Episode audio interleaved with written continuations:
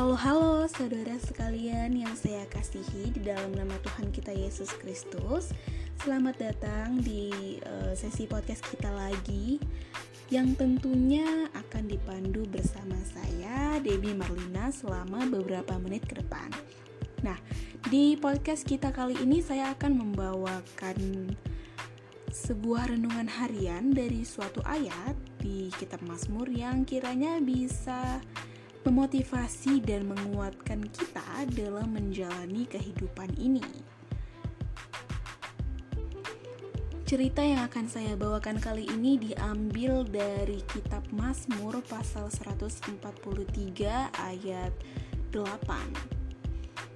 Untuk saudara-saudara sekalian, kalau ada yang udah pegang Alkitab, boleh dibuka dulu ya Alkitabnya.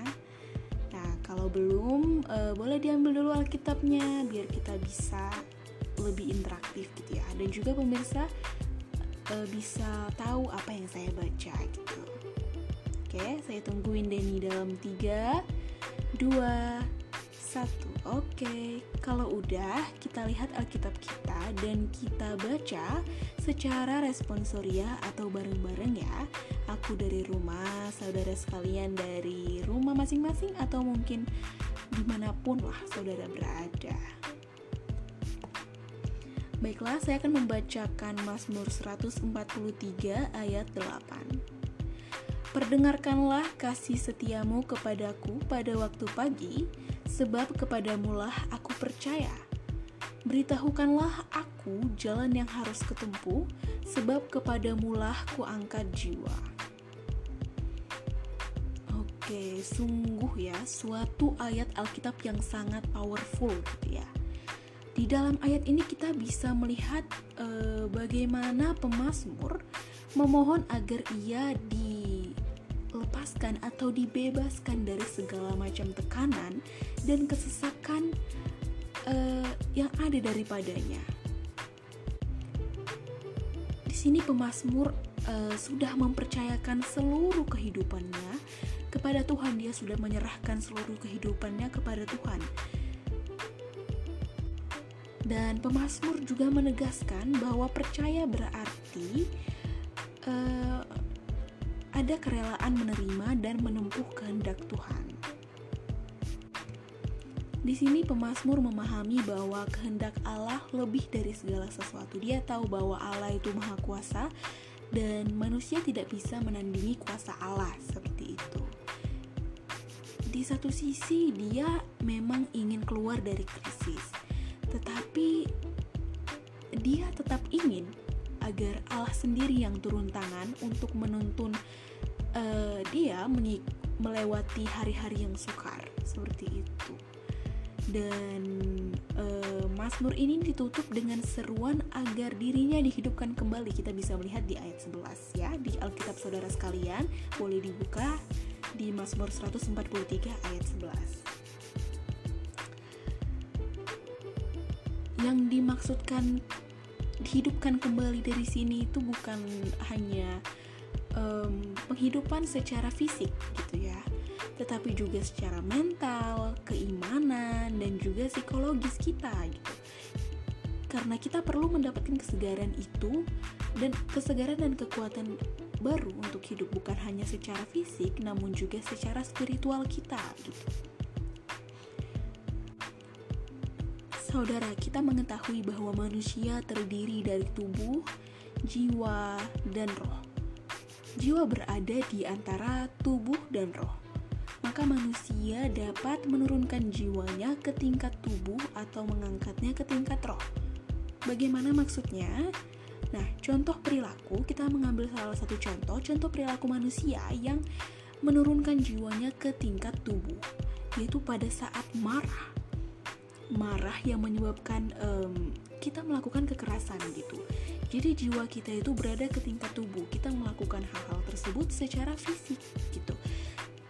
Misalnya nih, seorang pengemudi seca, uh, sepeda motor menyenggol sebuah mobil pastinya sebagai manusia uh, itu wajar ya kita marah. Yang pada akhirnya pengemudi mobil ini marah dan memukul pengemudi motor seperti itu. Ini yang dimaksud dengan jiwanya turun ke tingkat tubuh. Nah, sebaliknya, contoh perilaku manusia yang mengangkat jiwanya ke tingkat roh itu meski dia mendapatkan perlakuan kasar, uh, mau dia dilempari batu, bahkan sampai tewas, ia dingin gitu. Dia tidak mau melakukan kekerasan tetapi dia tetap berkepala dingin dan dia tetap berserah kepada Tuhan. Ini yang dimaksudkan berarti dia sudah kuat secara spiritual. Bukan hanya secara fisik tetapi secara spiritual gitu ya.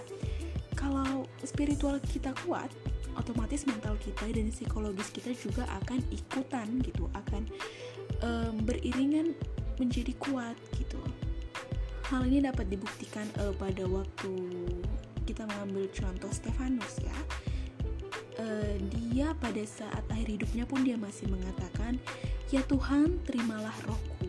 Dan kepada orang-orang yang menyakitinya, uh, dia mengatakan gini, "Tuhan, janganlah tanggungkan dosa ini kepada mereka." Sebagai manusia pada umumnya pasti kita merasa kesal gitu ya, merasa kecewa, merasa frustasi, depresi atau apa pun itu e, kepada orang yang sudah berbuat jahat kepada kita dan kita juga pasti mau untuk membalas dendam kepada mereka. Nah, itulah pada e, saat-saat jiwa kita turun ke tingkat roh. E, maaf, jiwa kita turun ke tingkat tubuh tetapi di sini Stefanus tetap berkepala dingin dan karena dia sudah percaya gitu uh, kepada Tuhan, karena dia sudah pun memiliki fondasi yang kuat uh, kepada Tuhan. Ketika dia sudah memiliki fondasi itu, spiritual dia menjadi kuat. Gitu. Maka dari itu, ketika di masa-masa sulitnya pun dia tetap bisa uh, tenang gitu, tetap bisa berkepala dingin dan juga dia berserah selalu kepada Tuhan. Dia telah menyerahkan dirinya kepada Tuhan. Maka dari itu saudara-saudara sadarilah keberadaan tubuh, jiwa, dan roh di dalam diri kita. Karena ketika kita menyadarinya, saat kita mengalami suatu peristiwa nih, kita dapat dengan cepat memutuskan apakah jiwa kita yang akan turun atau roh kita yang akan uh, bertindak seperti itu mengikuti kuasa Roh Kudus yang telah diberikan Tuhan Yesus kepada setiap orang yang percaya kepadanya.